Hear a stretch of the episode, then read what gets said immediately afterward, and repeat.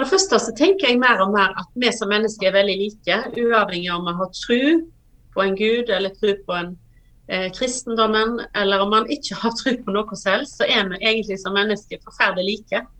Eh, og da er noe jeg liksom brenner litt for, at jeg tror musikk eh, og tekst òg eh, kan treffe oss ganske likt, selv om man har ulike utgangspunkt for hva man tror på. Så da er et ønske for meg at musikken kan ikke bare treffe kristne, men òg folk som bare lever i livets eh, glede og i livets sorg eller utfordringer.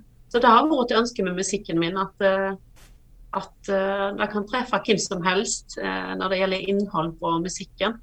Og så selvfølgelig så er det ikke noen tvil om at jeg som kristen ønsker å formidle håp. og gjerne at folk også skal få oppleve at Gud er en levende Gud som ja, bryr seg om alle. så det er en motivasjon for meg. da er det. Eller der er på en måte min drivkraft i formidlinga.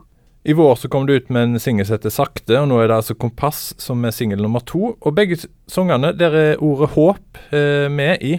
Eh, og du forteller jo òg ja. om at dette håpet er viktig. Eh, hva håp er det vi mennesker trenger, som du ønsker å formidle?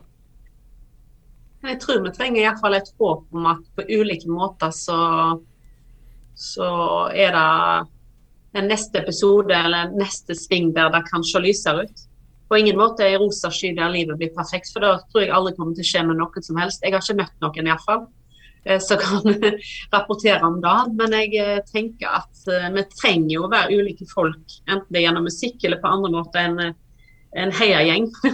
eller folk som heier sier at du ser det ikke noe sjøl, men jeg tror at det kan bli bedre. Ikke at alt skal bli bra, men at et eller annet kan holde en oppe. Eller kan gi en håp om endring. Da handler bl.a. håp-ordet for meg i, i sangene. da. Mm. Nå jobber du til daglig som eh, sykepleier på Ullevål sykehus. Det du opplever der eh, når mennesket er syk, eh, bruker du det i, i, musikken din? Er det med å prege musikken din?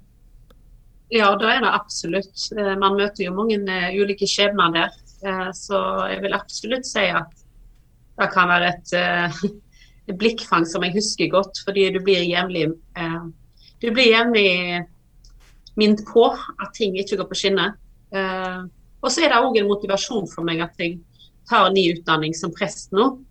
Så nå jobber jeg ikke så masse på sykehuset, så jeg har jobba i kirka et par år. Og der òg har jeg fått erfare at selvfølgelig er det ikke sånn at hvis du går i kirka eller har ei tru, så går alt så mye mer smooth. du har kanskje noe du kan si i ankeret ditt, men med like mange der som på en måte trenger en påminnelse på ulike tidspunkt i livet der eh, eh, ting går i, i, dalen og ting går mer bra, eller midt, midt mellom. Mm. Opplever du at vi er flinke nok til å snakke om sånne ting som eh, du skriver om? Um, ikke nok, syns jeg.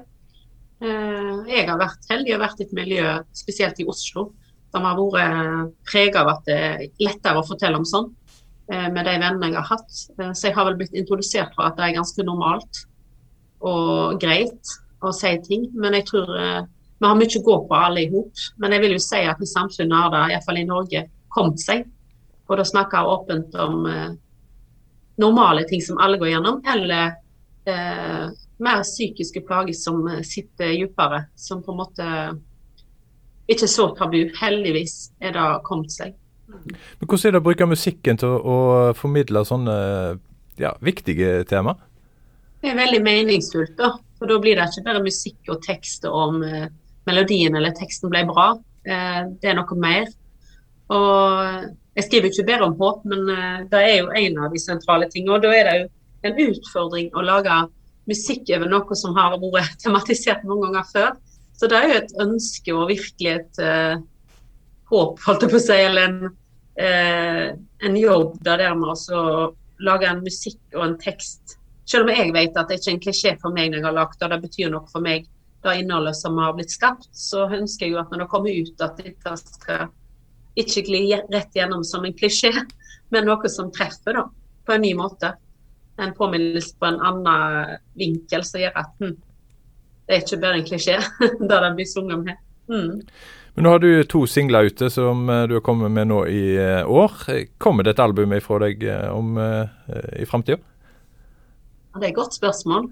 Når du har tre barn og jobber bitte litt som sykepleier og tar en presteutdanning, så skal jo den kabalen gå opp. Men det er jo rart hva som man får putta inn da når man elsker det man holder på med. Og jeg har likt formidling så lenge jeg kan huske.